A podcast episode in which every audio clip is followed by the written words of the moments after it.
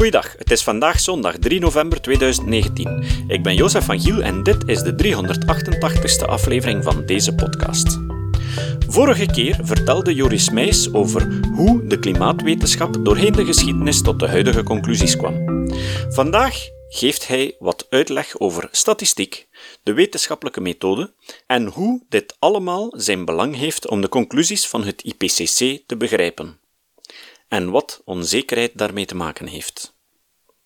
Opnieuw, deze opname is niet van goede kwaliteit, dus als je je daaraan ergert, kan je beter deze aflevering overslaan. Leven met onzekerheid, deel 2. Wel, waarom sta ik hier? Omdat na heel dat verhaal, mensen weten dat, mensen mij uh, graag eens een vraag stellen. Nu, de vragen die gesteld worden, die, die, die lopen uit elkaar. En ik ga eigenlijk een beetje terug van klimaat weg. We gaan, gaan kijken naar een eerder theoretisch idee over hoe gaan wij nu om met onzekerheid. En dat begint bij die vraagstelling. Die vraagstelling die gaat bijvoorbeeld als volgt. Wat is het typische weer voor deze regio? Wel, we gaan naar Frank de Boze, we vragen al de data van de KMI op en we maken een mooi tabelletje. Alsjeblieft, klimaat van België. Wat is de jaarlijkse uitstoot van CO2? Een beetje moeilijker.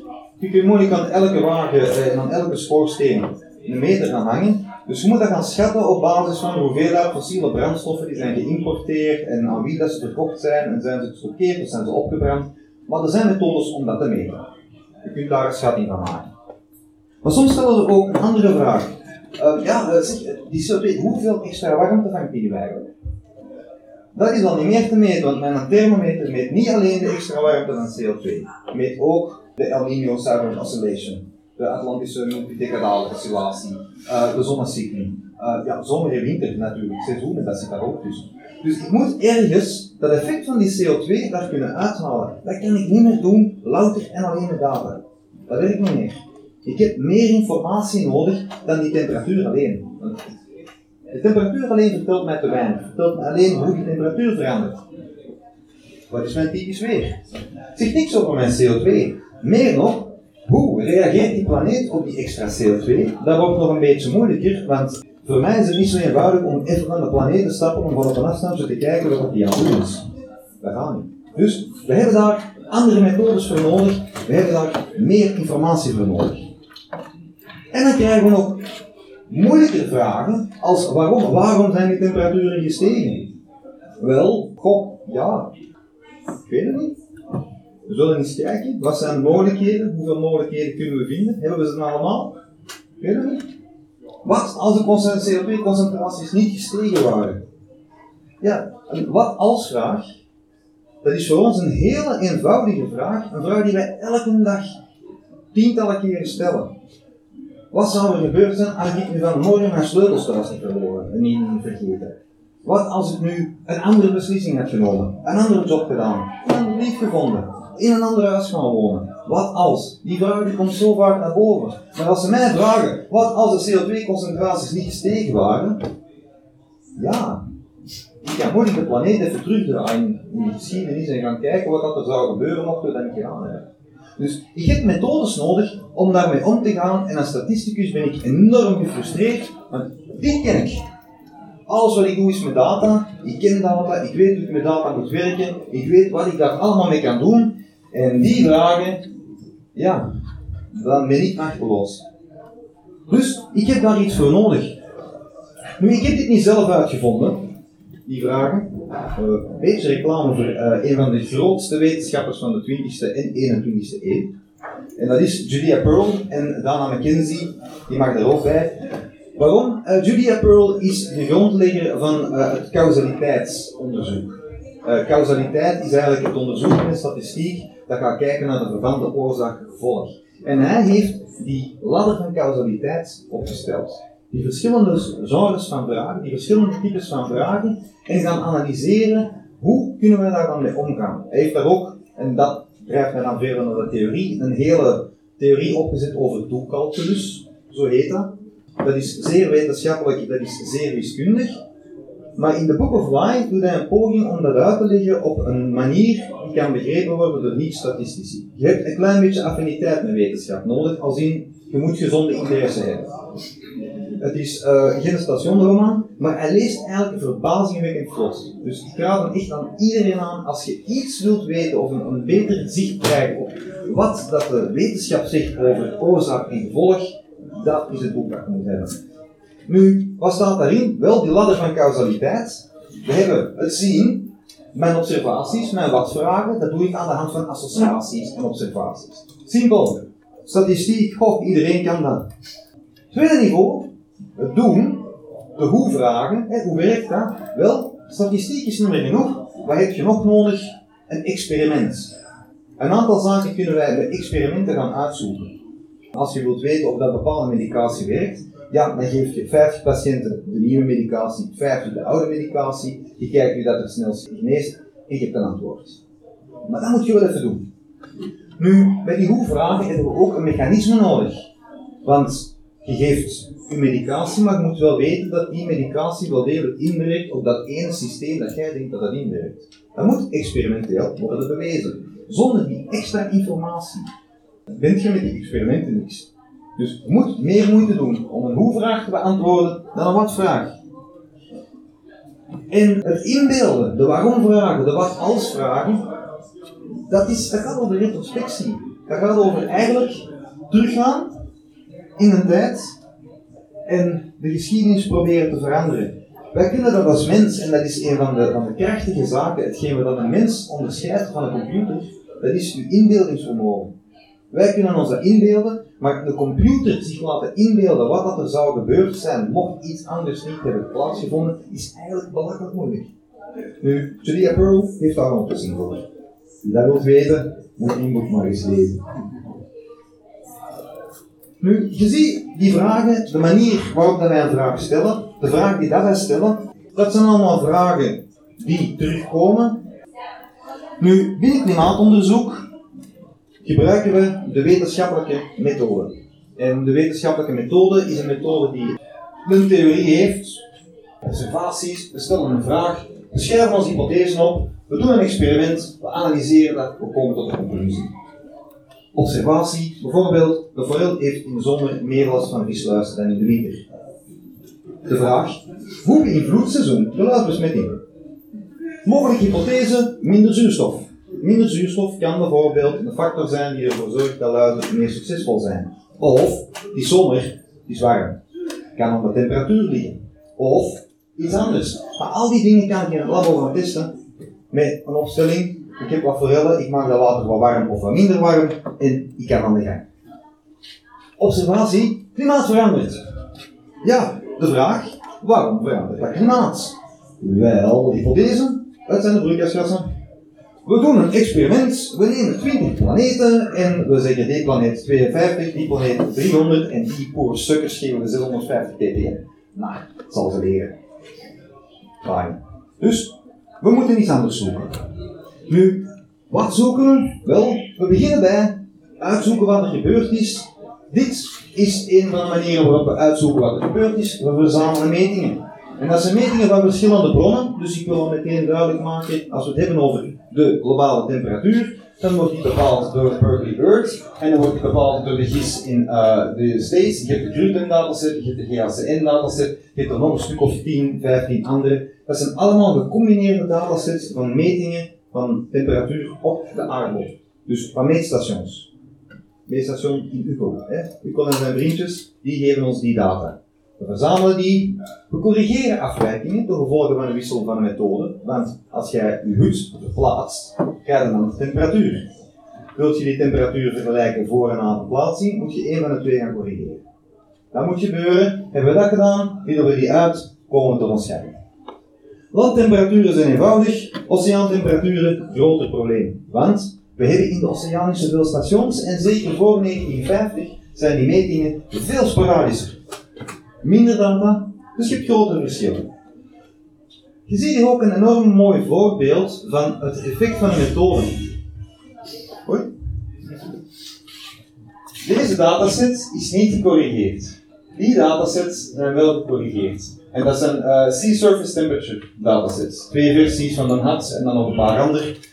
Nu, wat is hier gebeurd? Wel, uh, metingen van uh, oceaantemperatuur worden gedaan door de emmermethode. Klinkt dom, is het ook. Pak een emmer, pak water uit de oceaan, steek er een thermometer in, je weet waarom dat is. Als je dat doet met een houten emmer, een houten emmer is goed geïsoleerd. Dan heb je een betere meting, want ze deden dat in deze tijd ook met linnenemmers. En een linnenemmer is gevoelig aan wind, uh, wordt ook nat aan de buitenkant, die wind verdampt dat, dus die emmer koelt wat af, de temperatuur zakt. Je moet dat corrigeren. Nu, ik wil er even op wijzen, de correctie hier gaat in die richting. Dus de data van zeetemperaturen zijn zo gecorrigeerd dat de stijging minder groot is na correctie dan voor correctie.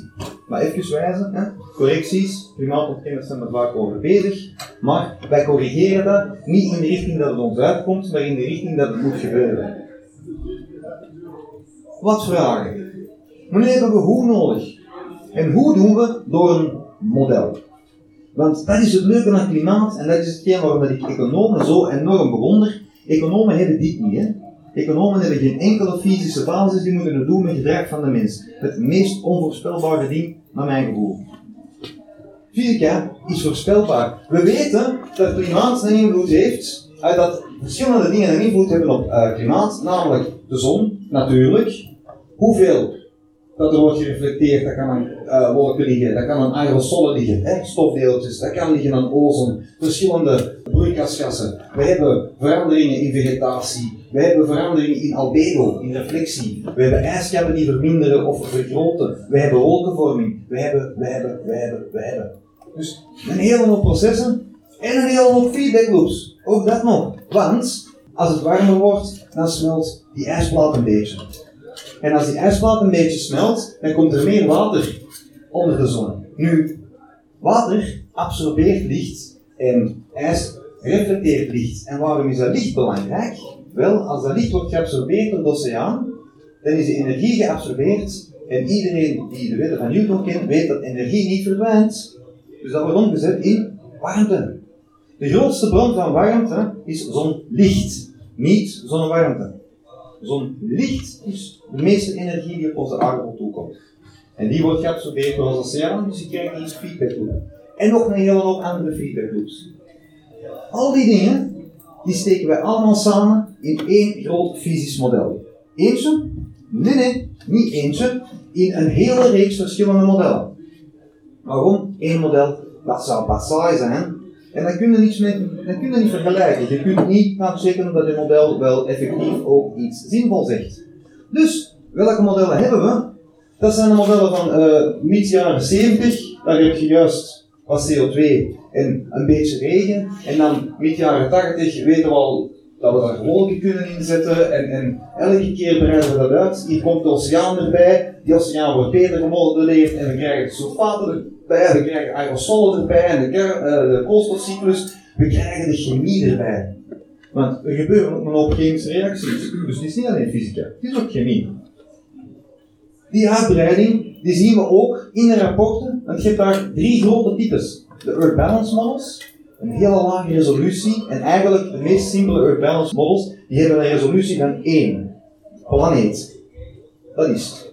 We hebben temperatuur, planeet. Earth System Models, dat is exact het tegenovergestelde. Dat zijn de modellen die we gebruiken om te voorspellen wat er gaat gebeuren in Vlaanderen over 30 jaar. Vlaanderen is misschien te klein, maar toch West-Europa. En daartussen heb je de Earth Models of Intermediate Complexity, noemen ze dat. Dus die zijn iets grover, die zijn ook iets lichter om te draaien en die gebruiken we omdat deze enkel en alleen zijn uit te rekenen op grote rekenclusters. Heel zware servers. Die niet. Dat kun je op kleine servers en dat is goedkoper. Nu, als is een Earth System model eruit, dat zijn de modellen die wij momenteel gebruiken, dat is eigenlijk een raster. Dus we maken een rastertje waarbij de, de oppervlakte van de aarde wordt onderverdeeld in hele kleine blokjes. Met atmosfeer doen we juist hetzelfde, dat zijn allemaal kubusjes. En voor elk kubusje gaan we alle mogelijke fysische relaties gaan beschrijven. En dan laten we dat doorrekenen, elke keer een stap verder, een stap verder, een stap verder, totdat we uitkomen in 2100. En dan gaan we kijken, goed, wat is nu de temperatuur hier? Dus je probeert zo goed mogelijk dat fysische model na te maken. En we doen ook een hoop experimenten, tot en met daar totaal waanzinnige data in steken, absoluut niet kan en zien of dat daar iets uitkomt dat nog altijd vies steek houdt. Dus die modellen zijn best complex, die worden ook enorm gecheckt. Moet je nog weten, doen die nog iets deftig ook? Wel, dat testen we op deze manier. We hebben hier terug onze vier grote datasets van onze temperatuur. Tot 2018, 2019 staat er nog niet op. En dan hebben we een ensemble. Een ensemble is een hele verzameling van modellen. Maar eigenlijk, in dit geval zijn het een verzameling van modellen en elk model heeft dan nog 50 verschillende uh, settings gekregen. Die worden allemaal gecombineerd en heel die range van voorspellingen, dat geeft mij een idee over onzekerheid. Dus die onzekerheid, dat is meegegeven op die grafieken en gelooft nooit een klimaatgrafiek waar geen onzekerheid op staat. Dat komt niet uit de wetenschappelijke publicatie. Dus die onzekerheid moet daar staan. Dat zegt mij wel, de voorspellingen van dat Smith 5-model gaan ergens daar tussen liggen. En die voorspellingen waarom we zijn in 2018, dat zijn toch geen voorspellingen? Ja, dat hebben we wel. Ik heb dit model opgestart en laten lopen met data tot en met 2005. En dan heb ik dat model laten verder lopen. Voorspel nog eens wat er gebeurd is tussen 2005 en 2018. En dan kan ik kijken welkgene wat dat model voorspelt, is dat hetgeen wat wij gemeten hebben. Komt dat overeen? Goed model. Komt dat niet overeen? Slecht model. Heel eenvoudig, maar dat is eigenlijk de basis van het testen van die modellen. Zoals je ziet, die modellen doen het eigenlijk helemaal zo slecht nog niet. Een klein beetje te akelig, een klein beetje daarboven, maar we zitten nog altijd in een onzekerheidsband. En dat is het belangrijke verhaal daaraan. Die onzekerheid die geeft mij een range. Het is niet omdat mijn metingen daar een klein beetje van afwijken, dat mijn model per definitie slecht is. Mijn model geeft een trend, geeft een verhaal, geeft niet een exact ding. Wat dan mijn model doet, is wat dan een dokter doet als hij tegen u zegt, kijk, sorry meneer, ik heb kanker, heel jammer, je nog tussen de 3 en de 6 maanden. Een dokter zal nooit zeggen, je hebt 4 maanden, 23 dagen en 5 uur. Bereid je maar voor. Nee, tussen de 3 en de 6 maanden en het kan ernaast zitten. Een model werkt op dezelfde manier. Want er is niemand die tegen zo'n dokter gaat zeggen, ah, tussen de 3 en de 6 maanden, ze dan wel zeker dat je kanker hebt. Dat, doen, dat is wat ze wel doen als je zegt van, oh ja, maar je bent niet zeker over je voorspelling. Zullen we wel zeker dat ons CO2 ligt? Ja, dat wel. Maar dat is fysica, dat hebben we al uitgezocht. Daar waren we eigenlijk in de jaren 30 altijd. Nu, um, want ik zie dat ik ondertussen al heel lang aan het praten ben. Uh, ik zit al aan mijn 40 minuten. Hallo. Ik ben een anarchist. Ik kan gewoon door. Ja. ik ben trouwens ook geen anarchist. Ik politiek. Ik ga het stuk over, over de, de twijfelaarsrank eruit laten. Um, ik wil nog heel even benadrukken hoe dat het IPCC werkt, dat het heel duidelijk is waarom dat ik altijd naar die rapporten verwijs. Het begint bij scoping. Dus het IPCC, eh, de mensen, de politiekers zeggen, wel kijk, dit is wat wij willen weten. Alsjeblieft, bureau van het IPCC, zorg dat er wetenschappers zijn om dat op te lossen. Goed, we maken een outline, dat moet worden goedgekeurd. Dus 195 landen zeggen, ja ja, dat is wat wij willen weten. We zoeken naar auteurs. Zoveel verschillende landen, op laatste waren er uh, eh, 95 verschillende landen denk ik. Dus iedereen kan zijn eigen auteur sturen. Dat zijn wetenschappers die klimaatonderzoek moeten hebben gedaan en daarin hebben gepubliceerd. Anders vergeet het, hoort geen auteur. Ze selecteren die, die schrijven dan een paar jaar aan de eerste rapporten, want zo één rapport is eigenlijk een verzameling van rapporten van verschillende werkgroepen. En dan, als die eerste draft klaar is, wel, dan wordt die opgestuurd en dan wordt die gereviewd. Die wordt gereviewd door experts, dus elk land kan opnieuw zeggen, wel kijk, we hebben hier nog een paar experts die niet hebben meegeschreven, die gaan controleren of alles wat daarin staat wel waar is.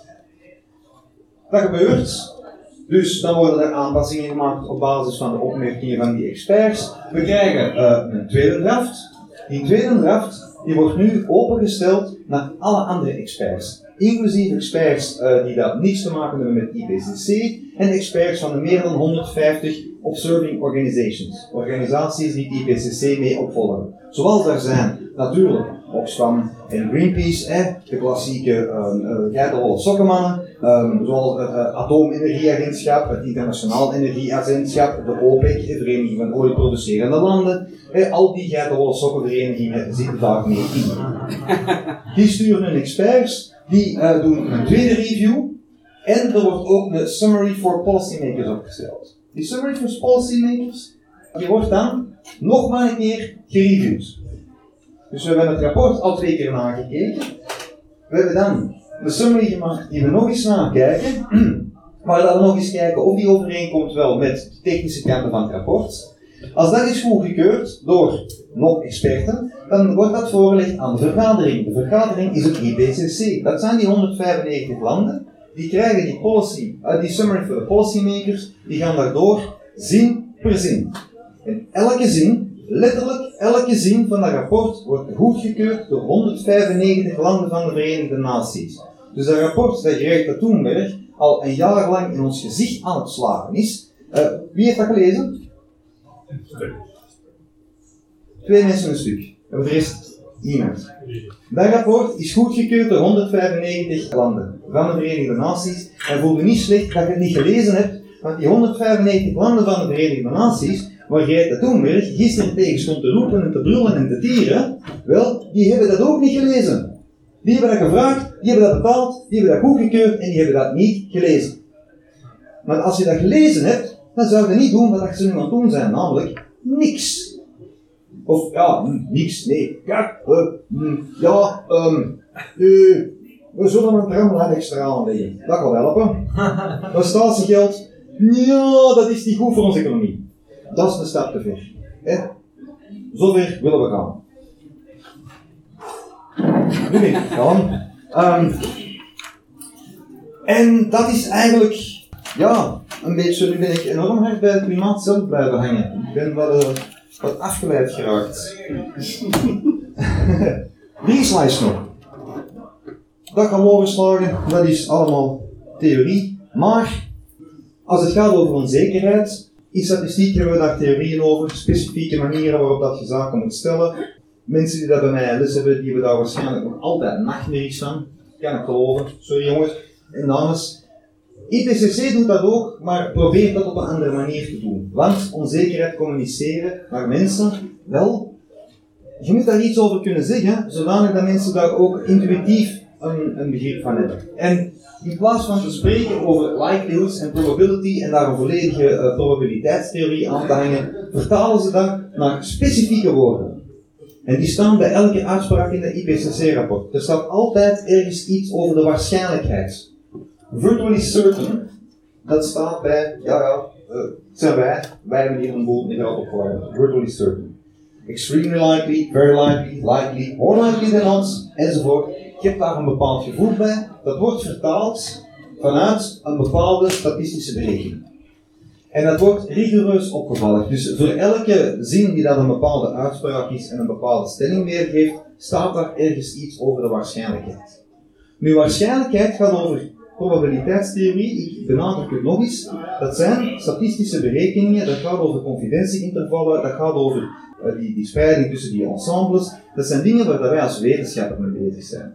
Nu, wat voor het algemene publiek veel belangrijker is, is de onzekerheid of het niveau van vertrouwen. Dat is iets anders. Want die probabiliteit, als ik praat over een probabiliteit van 95%, wel, dan komen we op dit. Dus, als ik doe een hypothesetest, de correcte manier, gegeven assumpties is er minder dan 5% kans om data te zien die even extreem of extremer is dan de gegeven gemeten data. In het geval dat de nulhypothese waar is, dan wat ik eigenlijk wil bewijzen is niet de nulhypothese, maar de alternatieve hypothese. Wilt je daar meer over weten? Op de NIF geven we daar een cursus over. nu, je hebt frequentisten, uh, die hebben het over een 95% betrouwbaarheidsinterval. Dan bedoelen die, als ik een oneindig aantal herhalingen heb, dan zal mijn betrouwbaarheidsinterval rond de schatter in 95% van de gevallen de echte waarde voor de populatieparameter bevatten. Dat is de vertaling van 95% kans. Dat zegt niemand iets. Of een Bayesiaan die zegt, geeft de assumpties in een a priori verdeling, wat dat eigenlijk een zware van geloof is, geeft de a posteriori verdeling aan dat de echte waarde van de schatten met een kans van 95% in de Dat is een uitleg waar niemand iets aan heeft. Probabiliteitstheorie zegt weinig, onzekerheid zegt veel. Namelijk, intuïtie zegt dat. En welke intuïtie proberen we hier weer te geven? Wel, we gaan naar twee zaken kijken Hoeveel bewijs hebben we en hoe goed komen de studies overeen? En dat zijn twee totaal verschillende zaken. Hoeveel bewijs hebben we? Wel, als het gaat over Antarctica, amper. We zijn daar beginnen overvliegen met satellieten begin jaren 80. En klimaat, de meteorologische definitie van klimaat is het gemiddelde weer over 30 jaar. Begin jaren 80 tot nu, naast 40 jaar. Uh, ja, zoiets, hè? 40 jaar. Dus 1, klimaatperiodes, dat is niks. Hebben we veel bewijs? Nee, we hebben amper iets bewijs van Antarctica, want we weten niet wat daarvoor gebeurd is. Hoe komen de studies overeen? Iedereen die naar Antarctica komt, Antarctica komt tot dezelfde vaststelling. Aan de ene kant van Antarctica, zowel. De westkant van Antarctica, oei, dat gaat daar ineens plots snel. En dat zeggen ze allemaal. Dus we hebben weinig bewijs, komt goed overeen, we zitten op weinig bewijs, goed overeen. Daar. En we zitten eigenlijk op gemiddeld vertrouwen. En zo kun je elke keer aan de hand van hoe goed komen ze overeen en hoe robuust is het bewijs, geven ze daar een schaal aan. Die schaal uh, gaat over confidence. Dat is een high confidence, very high confidence, low confidence, medium confidence. Dat zijn die termen die je bij het IPCC-rapport ziet staan. Dus die zaken, die geven wij daar ook mee op die manier. En om niet te verzanden in een ellenlange talk, ga ik misschien hier op pauze laten. Ik kan misschien heel snel laten zien wat er nog in zit als je het later wilt weten. Ah, ik kan misschien nog, voordat we pauzeren, even vertellen waarom dat je niet zomaar moet op de persoon spelen. Want ik heb het hier vaak gehad over klimaatontkenners. Ik heb wat voorbeelden gehad. Maar, als je naar wetenschap kijkt, dan is dat geen persoonlijke cultus. Absoluut niet. Waarom niet? Dit is een van mijn grootste idolen in de wetenschap. Fischer. Deze is de Newton van de statistiek. Fischer is de grondlegger van de moderne statistiek. Nu, de grondlegger van de moderne statistiek is ook een roker en heeft het volgende gezegd. Dat eigenlijk, door te argumenteren vanuit correlatie in de richting van causaliteit, dat we dus uh, propaganda uh, zijn aan het ontwikkelen om uh, te proberen bewijzen ja, dat ze roken van sigaretten, dat je dat kanker van krijgt. Dat is helemaal niet waar. Fischer heeft het gezegd, de grootste statisticus ter wereld heeft dat gezegd en is dat blijven volhouden tot het, op zijn dood. Heeft dat gepubliceerd in Nature, een van de grootste wetenschappelijke tijdschriften, in 1958. En in 62 aan zijn dood bleef hij dat volhouden. Nu, dat doet niets af van zijn andere werk. Wat zijn gestorven dan? Uh, wel, uh, veel mensen denken aan longkanker, dat is niet waar, aan een infectie. Uh, complicaties bij een operatie. Maar we weten niet juist welke operatie, dus dat zou gewoon keer geweest kunnen zijn. Dat weten we niet. Maar het is toch een complicatie bij een operatie. Dus helaas dat dat mooi geweest. Dat mooi geweest. Nu, het, de grote denkfout die Fischer hier heeft gemaakt, is, is heel rigoureus blijven vasthouden aan zijn stelling. En dat is eigenlijk een voorbeeld van, ja, een oude mens dat de kop zijn onderwijs toe te geven. Want inderdaad, technisch gezien, heeft hem een punt, maar dat is niet hoe dat wij die link hebben bewezen. We hebben die link bewezen door cohortstudies, door experimenten, door ratten te laten roken, door van alles en nog wat. Er is voldoende argumentatie om die link te bewijzen, en geloof het niet, we hadden een ziekenhuis in de longafdeling liggen veel meer rokers dan op eender welke andere afdeling. Dus, laten we niet vangen aan een naam, en zich ook niet maar jij bent geen wetenschapper. Er zijn effectief wetenschappers en ik heb een paar voorbeelden. Ik kan ze laten zien. Dit is een voorbeeld dat ik, als iemand wil, na de uh, pauze nog kan bespreken. Dat gaat over de UAH-datasets. Of Zeller en Nikolov, uh, twee kerels die bewezen hebben dat het niet aan CO2 ligt. Of grote vriend Björn Lomberg. Daar kan ik ook nog een paar verhalen over vertellen. Dus ik kan hem laten zien hoe ze die onzekerheid misbruiken. Maar voorlopig zou ik willen zeggen, wel, nu dat je hier zit, nu dat je dit hebt gehoord, ik heb hulp nodig, alle wetenschap heeft communicatie nodig, ik ben daar niet zo goed in. Je mocht gerust meedoen, maar, onthoud, vertel wat je weet, zoek op wat je niet weet.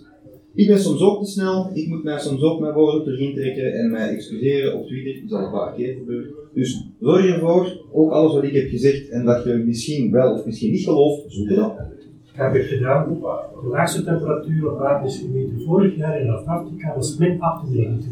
Min 98? Ja, correctie. Oh, man. Dat uh, waanzinnig. Op verschillende plaatsen op Antarctica. Dat is dat niet Ah, dat is niet metingen. Ja, dat is op verschillende plaatsen. Ja, ja maar als we op de UAH-dataset komen, dan kan ik een beetje uitbreiden. Maar maar op wat je juist nu toont. Maar dankjewel voor de correctie, want dat wist ik dus niet. Ik heb er wat bij geleerd. Perfect. Nu, hetgeen wat ik misschien mee wil afsluiten, dat is, we hebben het hier veel gehad over onzekerheid. Nu, ik en mijn collega's, voor ons is onzekerheid een hele aangename zetel, want dat zijn kansen. En misschien is dat hetgeen wat ik vandaag echt wil vertellen. Als we onzeker zijn, zie onzekerheid niet als een hindernis om iets niet te weten, maar als een kans om iets uit te zoeken. Zolang dat onzeker ben, is er meer om te weten. Onzekerheid is een kans, geen hindernis. Wel, stel voor dat we dan even drinken, dat ik uh, kan stoppen en uh, wat kalmeren, vijf minuutjes. Uh, en wilt je meer weten, ik ben half en half lid bij Scientist uh, for Climate, maar dat wordt getrokken door mensen die daar veel meer mee bezig zijn dan ik. Je kunt altijd eens naar de website gaan voor meer informatie, die vind je wel geweldig. Nou, dank u.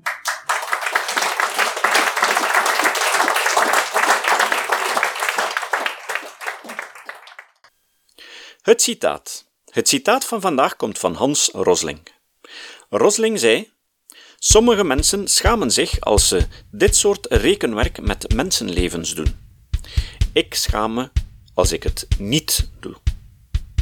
Tot de volgende keer. Dit was de podcast Kritisch Denken. Vergeet niet om alles kritisch te behandelen, ook deze podcast. Voor verdere informatie over deze podcast, links en voor de tekst, surf naar www.kritischdenken.info.